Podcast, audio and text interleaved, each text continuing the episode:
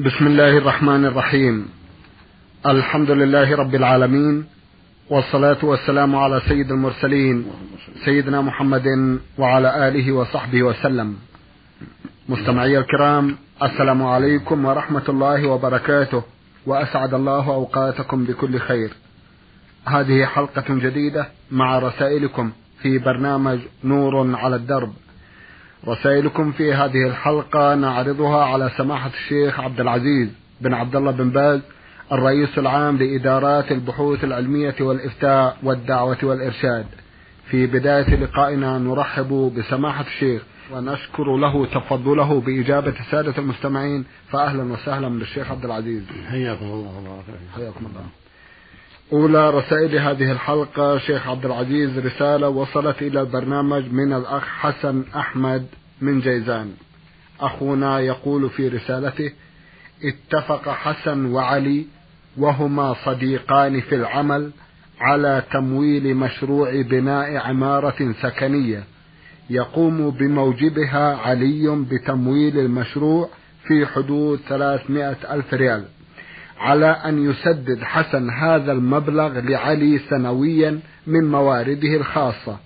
وقد وعد حسن عليا طواعية بإعطائه بدون قيد ولا شرط أجار ثلاث شقق من العمارة هبة منه لعلي. ثم إن المشروع انتهى وقد زاد المبلغ من ثلاثمائة ألف ريال إلى أربعمائة ألف ريال. السؤال هل المبلغ الذي تعهد به حسن المدين لدفعه لعلي الدائن من أجار الشقق الثلاث طواعية وهبة. هل هو حلال أم يكون فيه شيء من الربا؟ أفيدونا عن هذا الموضوع. جزاكم الله خيرا. بسم الله الرحمن الرحيم. الحمد لله وصلى الله وسلم على رسول الله وعلى آله وأصحابه ومن اهتدى بهداه. أما بعد فالذي يظهر من حال الشخصين أن هذا المال الذي يدفعه حسن إلى علي إنما هو في مقابل إمهاله وإنظاره في حصته من نفقة العمارة. ولو سموا سمياه تطوعا وهدية فالله يعلم ما في القلوب. فلم, فلم يكن هذا المال مدفوعا من أجل صداقة أو قرابة. إنما دفع من أجل هذا العمل الذي عمله علي وهو كونه ينفق على العمارة حتى تكمل ثم يكون الشيء بينهما على ما شرطاه لكن يعطيه حسن في مقابل هذا العمل هذه الهدايا التي يقول. المقصود أن هذا فيما يظهر ربا لأنه إنما أقرضه من أجل هذه الهدية التي يزعمون أنها هدية. وليست بهدية في الحقيقة وإنما هي فائدة. فائدة من أجل إنظاره وإمهاله. والله جل وعلا أعلم. جزاكم الله خيرا. رسالة وصلت إلى البرنامج من أحد الإخوة المستمعين يقول الجعيدي يماني. أخونا يقول إنني إذا سمعت القرآن أحلف يمينا أنني لن أترك الصلاة بعد اليوم لكن فاتتني أيام لم أصلي فيها كيف تنصحونني والعمل الذي فات؟ أولا عليك التوبة إلى الله فإن الصلاة عمود الإسلام وهي أعظم أركانه بعد الشهادتين. وقد قال عليه الصلاة والسلام في الحديث الصحيح العهد الذي بيننا وبينهم الصلاة فمن تركها فقد كفر. فعليك أن تتوب إلى الله من هذا العمل وهو ترك الصلاة في أيام. وعليك أن تبادر وتسارع إلى المحافظة عليها وإن قضيتها خروجا من الخلاف فحسن. وإلا فالصواب أن من تركها عمدا يكفر ولا وليس عليه قضاء. لكن إذا كانت قليلة وقضيتها من باب الاحتياط فلا بأس. وعليك كفارة يمين لأنك خافت أن لا تترك وقد تركت فعليك كفارة يمين عما فعلت من الترك وهي إطعام عشرة مساكين أو كسوتهم أو عتق رغبة هذا هو الواجب عليك وأهم شيء وأعظمه التوبة إلى الله سبحانه وتعالى والبدار بالمحافظة على الصلاة مع إخوانك في مساجد الله جل وعلا. والحذر كل الحذر من تركها بعد ذلك. نعم. رسالة وصلت إلى البرنامج من الأردن وباعثها أخونا محمد محمد عبد اللطيف من محافظة الشرقية. أخونا يقول إننا مجموعة من العمال. نصلي في السكن بينما المسجد يبعد عنا ما يقرب من كيلو متر فقط. هل صلاتنا صحيحة أم لا؟ الصلاة صحيحة لكنكم قصرتم في ترك الجماعة. والواجب عليكم أداؤها في الجماعة في بيوت الله عز وجل. كما قال الله سبحانه في بيوت أذن الله أن ترفع ويذكر في اسمه. وقال النبي عليه الصلاة والسلام في الحديث الصحيح من سمع النداء فلم يأتي فلا صلاة له إلا من عذر. فالواجب عليكم أن تبادروا إلى أدائها في الجماعة في بيوت الله. أما ما مضى فالصلاة صحيحة وعليكم التوبة والاستغفار. إذا كنتم تسمعون النداء لو كانت الأصوات هادئة سمعتم النداء العادي من المأذنة. ولكن بكل حال فينبغي لكم أن تسارعوا إلى أدائها في الجماعة والحذر من التساهل في أدائها في السكن. والغالب أن الكيلو يسمع النداء. إذا كانت الأصوات هادئة والمؤذن ذو صوت جيد فالغالب أنه يسمع صوته من هذا من هذه المسافة. والله المستعان. رسالة وصلت إلى البرنامج من إحدى الأخوات المستمعات تقول أنا مدرسة في قرية من قرى نجران في المملكة العربية السعودية ويرافقني والدي محرم لي. وإننا من الأردن ولنا بعض الأسئلة لو تكرمتم. السؤال الأول. نحن في قرية بعيدة عن القرية الكبيرة بما يقرب من عشرين كيلو متر وأهل القرية لا يؤدون صلاة الجمعة ولا نملك وسيلة نقل إلى القرية المجاورة لنا حتى إننا لا نستطيع إحضار ماء الشرب إلا بالكلفة. نرجو أن تفتونا في موضوعنا. جزاكم الله خيرا. عليكم أن تصلوا ظهرا عليكم أن تصلوا ظهرا لأن المسافة طويلة. فلا يلزم الذهاب إلى هناك والتكلف. ولكن ينبغي لأهل القرية التي أنتم فيها أن يقيموا صلاة الجمعة. الواجب عليهم أن يقيموا صلاة الجمعة في قريتهم. ولو كانوا أقل من أربعين. فليس اشترط الأربعين شرطا معتبرا على الصحيح. فعليهم أن يقيموا صلاة الجمعة وأن يطلبوا من الجهة الدينية ومن جهة المحكمة تعيين الإمام الذي يصلي بهم. وفي إمكانهم الاتصال بإدارة الأوقاف حتى تؤمن لهم الإمام. فالحاصل أن الواجب على أهل القرية يصلوا جمعة ولو كانوا عشرة ولو كانوا عشرين حتى ولو كانوا ثلاثة على الأقل. أقل عدد تجمع الجمعة ثلاثة في أصح أقوال أهل العلم. فإذا كانوا في قرية مستوطنين وجبت عليهم الجمعة. ولا يجوز لهم يصلوا ظهرا. والإمام في الإمكان تحصيله بواسطة الأوقاف الجهة المسؤولة أو بواسطة المحكمة أو بواسطة الأخيار الطيبين الذين يعرفون حالهم فيمكن أن يتوجه إليهم بعض طلبة العلم حتى يصلي بهم. فالمقصود أن هذا واجب عليه ليس له التساهل فيه. وأنتم وأنت أيها السائل من جملتهم. نعم. إذا أقاموا الجمعة صليت معهم. طيب. نعم. سمعت أن هناك صلاة نوافل راتبة وهي ثنتا عشرة ركعة ومنها قبل الظهر وبعده وبعد المغرب. والسؤال هل التي تكون قبل الظهر معنى ذلك أنه بعد أذان الظهر أم قبل أن أصلي أم قبل الأذان؟ أفتوني في وقتها بالذات وعن هذه النوافل. جزاكم الله خيرا. الرواتب مثل ما ذكر السائل. الصواب أنها اثنتا عشرة ركعة منها أربع قبل الظهر وثنتان بعد الظهر وثنتان بعد المغرب وثنتان بعد العشاء وثنتان قبل صلاة الصبح. هذه يقال لها الرواتب. كان النبي صلى الله عليه وسلم يحافظ عليها عليه الصلاة والسلام. وصح عنه عليه الصلاة والسلام أنه قال من صلى ثنتي عشر ركعة في يوم وليلة بني له بهن بيت في الجنة. وفي رواية تطوعا.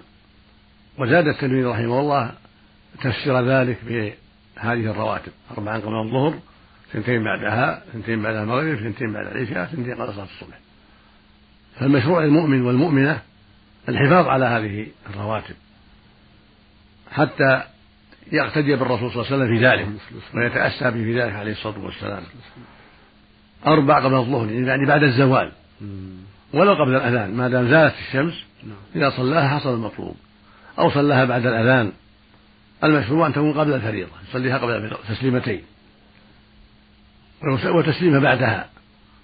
ويصلي اثنتين بعد المغرب واثنتين بعد العشاء واثنتين قبل صلاة الصبح. هذه الرواتب نعم.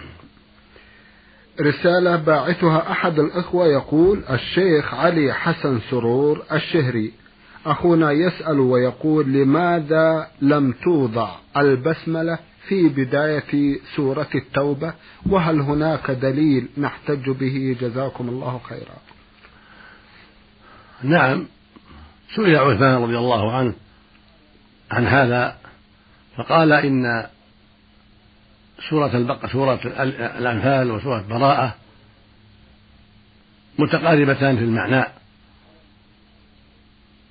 ولم ينزل كلمة بسم الله الرحمن الرحيم بينهما.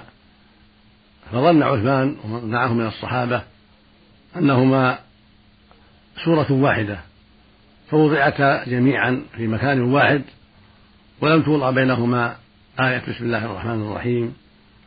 لعدم وجود الدليل الذي يدلهم على أنهما سورتان فاحتاط الصحابة وجعلوهما متجاورتين من أجل هذا لأنهما لأن الصحابة لم يحفظوا نزول بسم الله الرحمن الرحيم. بين هاتين السورتين. هذا هو المشهور الذي رواه أهل العلم عن عثمان رضي الله عنه لما جمع المصحف في في خلافته رضي الله عنه. نعم. رسالة وصلت إلى البرنامج من مكة المكرمة باعثتها إحدى الأخوات المستمعات تقول حاميم من قديد يا أخت حاميم من مكة المكرمة البرنامج لا يهتم كثيرا بتفسير الأحلام فمعذرة. تسأل سماحة الشيخ لو تكرمتم عن هذه الأصباغ التي يضعها بعض النساء على وجوههن وشفايفهن وهل يؤثر ذلك على الوضوء وترجو الإفادة؟ الأصباغ تختلف. إن كانت لها جسم لها جرم يمنع الماء فالواجب إزالتها عند الوضوء. أما إن كانت أصباغا رقيقة لا تمنع الماء على الشفة أو على الوجه لتنويره. فلا فلا يضر ولا ولا بأس طيب. ولا يضر بالوضوء أما إذا كان لها جسم لها جرم يعني نعم. يمنع الماء فهذا يزال عند الوضوء كما كالمناكير التي توضع على الأظفار نعم. هذه عند الوضوء تزال لأن لها جرما يمنع الماء بارك الله مم. فيكم الأخت السائلة ميم ميم سين من الخبر تسأل مجموعة من الأسئلة في سؤال لها تقول هل يجوز إنزال الجنين قبل بلوغه أربعين يوما من بطن أمه وما هو العقاب لمن فعل ذلك.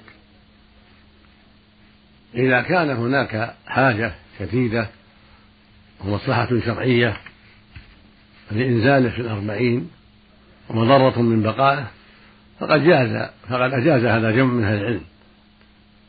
أما إذا لم يكن هناك مصلحة شرعية ولا حاجة ضرورية فينبغي بقاؤه.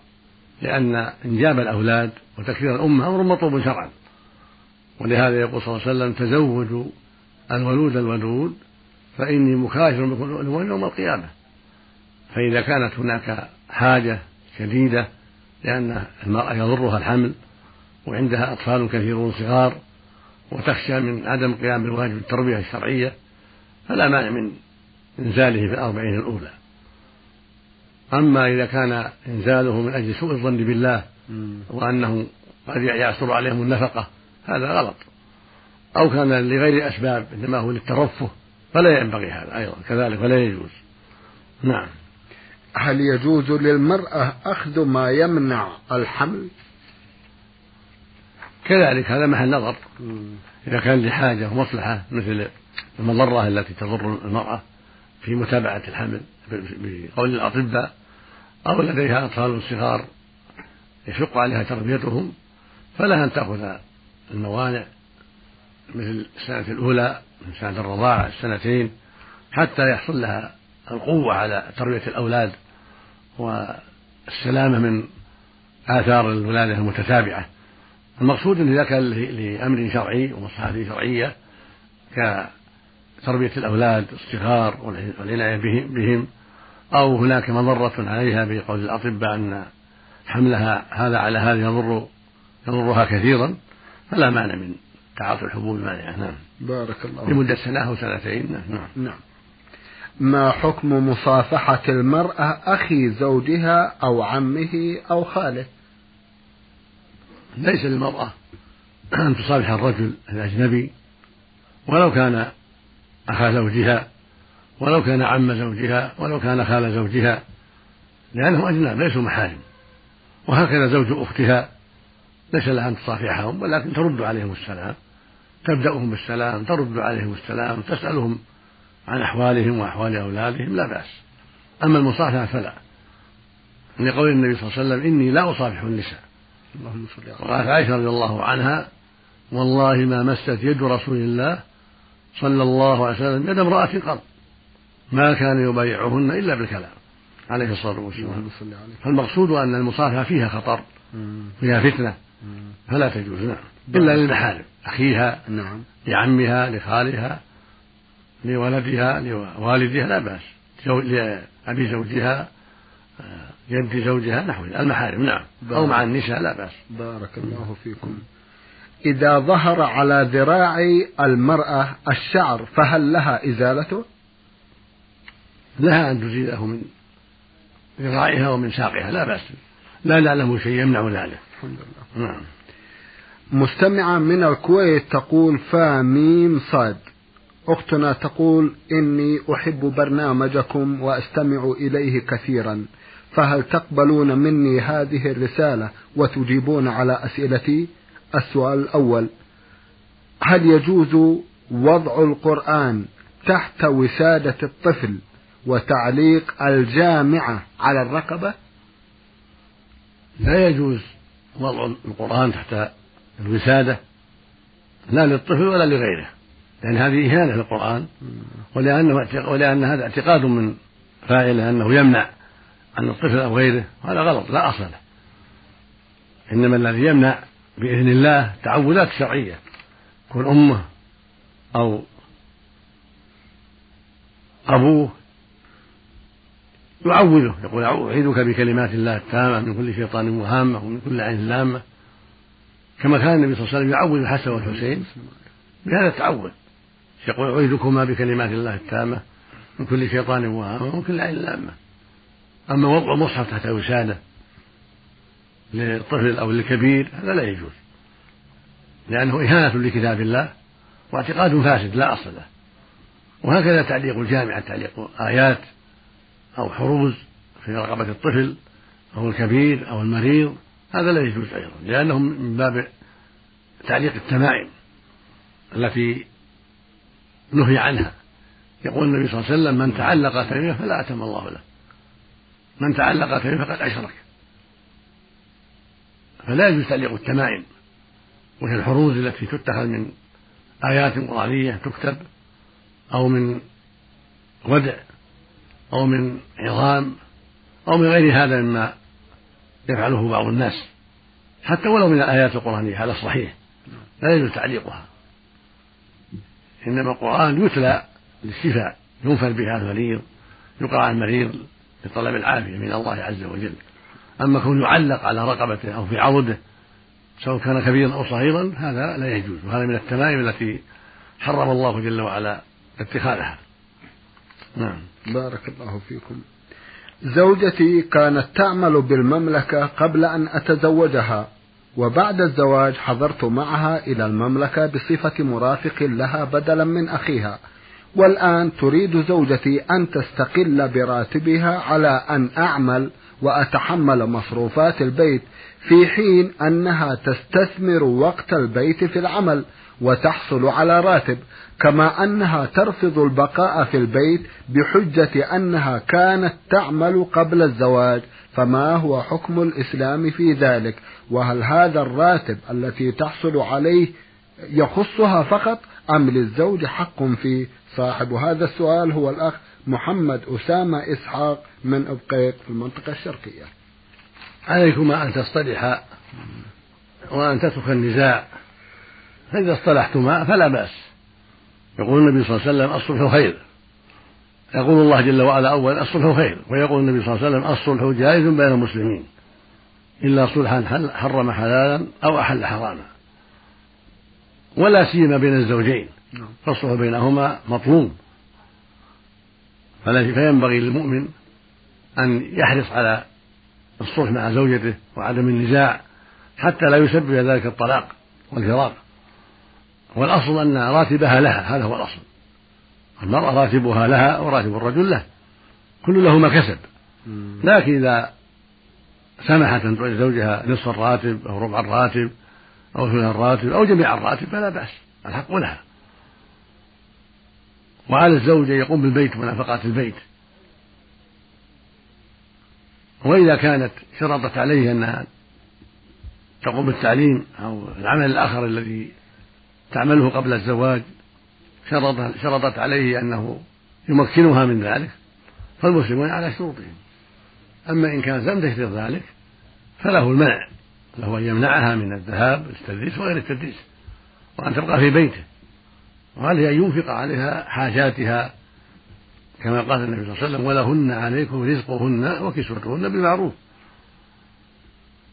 لكن الصلح بين الزوج والزوجة في أمور النزاع بينهما يكون أمرا مطلوبا. نعم. فالصلح بينكما أيها السائل من أحسن ما يكون حتى تبقى المودة تبقى المحبة تبقى العشرة. وينبغي لكل واحد منهما أن يتسامح وألا يشدد. فأنت ترضى بما تيسر وهي تسمح بما تيسر حتى لا يكون بينكما الفراق. نسأل الله للجميع الهداية. اللهم آمين.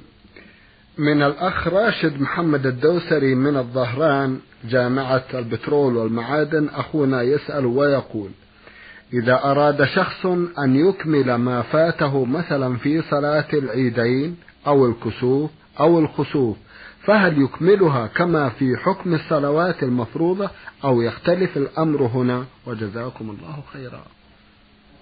في صلاة العيد صلاة الجمعة يكملها على هيئتها.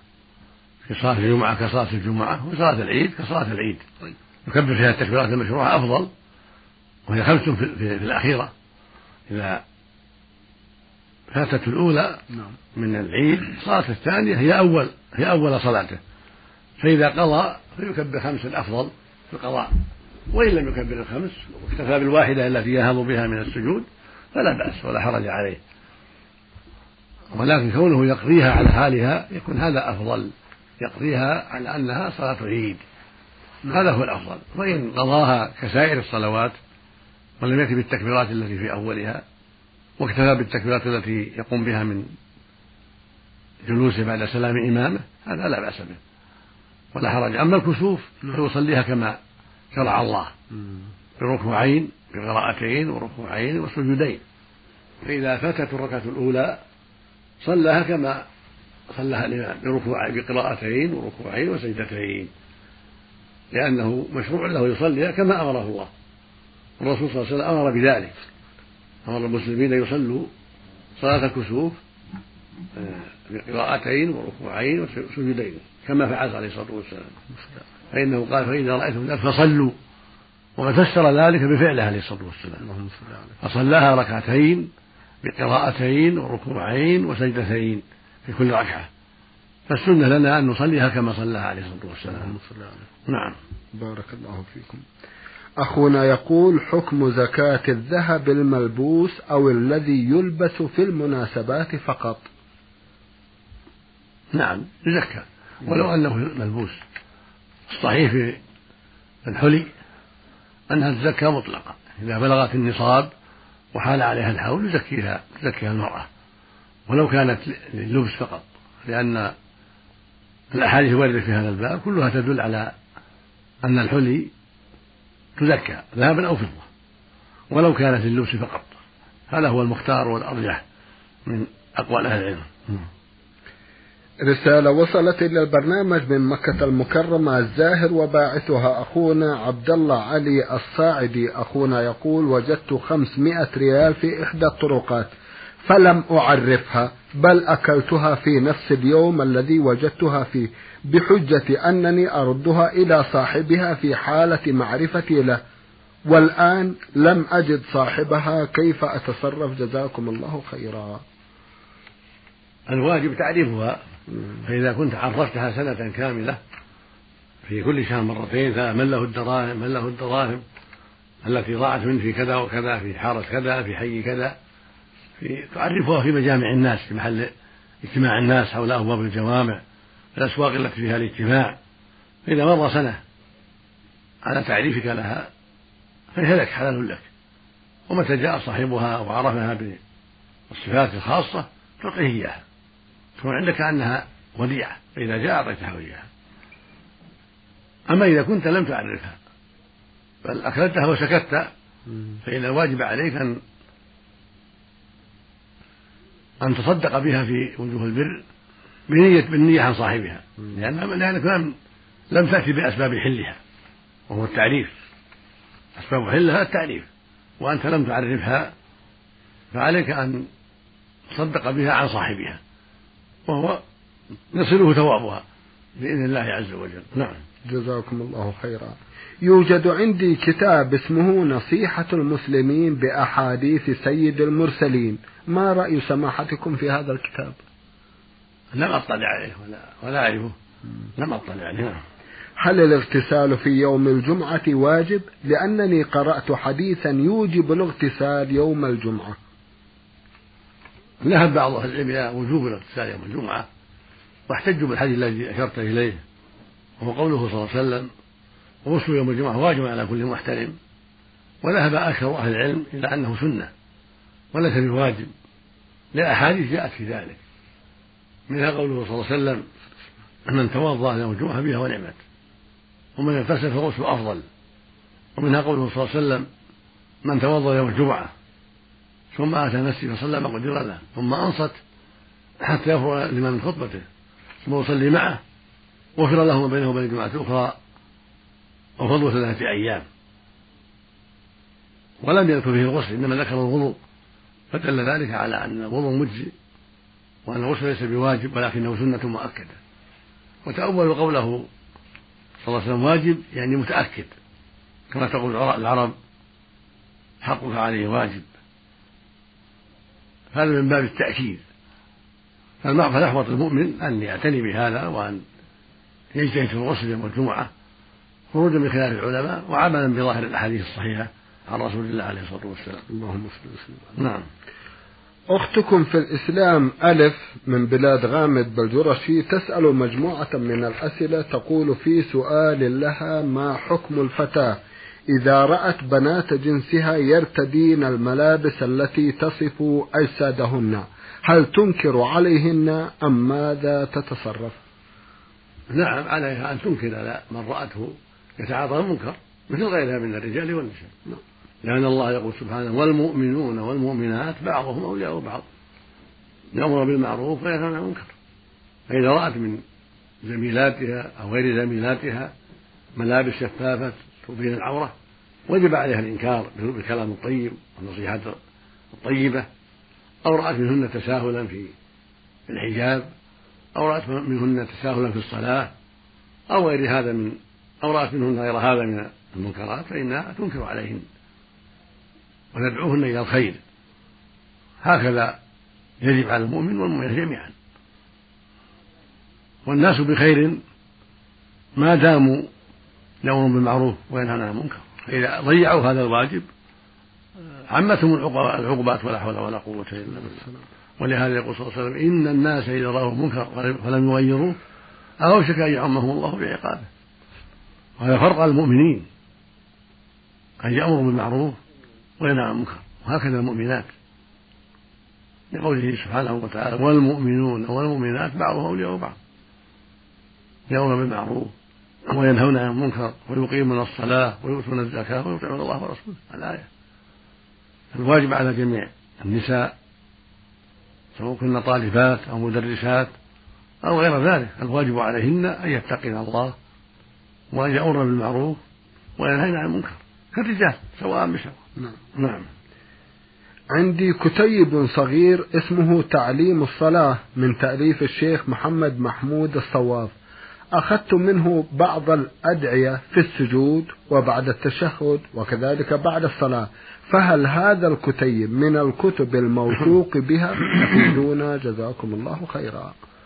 كتب الكتاب هذا قرأت بعضه وجملة منه وهو كتاب فيما اطلعت عليه منه كتاب جيد ومفيد ودار الإفتاء توزعه لأن مؤلفا معروف لدينا بالعلم والفضل والنصح فهو كتاب إن شاء الله مفيد ولهذا وزعناه لما بلغنا عنه من الفائدة الكبيرة للرجال والنساء نعم. بارك الله فيكم. سماحة الشيخ في ختام هذا اللقاء أتوجه لكم بالشكر الجزيل بعد شكر الله سبحانه وتعالى على تفضلكم بإجابة السادة المستمعين وآمل أن يتجدد اللقاء وأنتم على خير وفي صحة وعافية. نسأل الله الجميع التوفيق. اللهم مستمعي الكرام كان لقاؤكم هذا مع سماحة الشيخ عبد العزيز بن عبد الله بن باز. الرئيس العام لإدارات البحوث العلمية والإفتاء والدعوة والإرشاد. سجل هذه الحلقة زميلنا خالد منور خميس. شكرا لكم جميعا وسلام الله عليكم ورحمته وبركاته.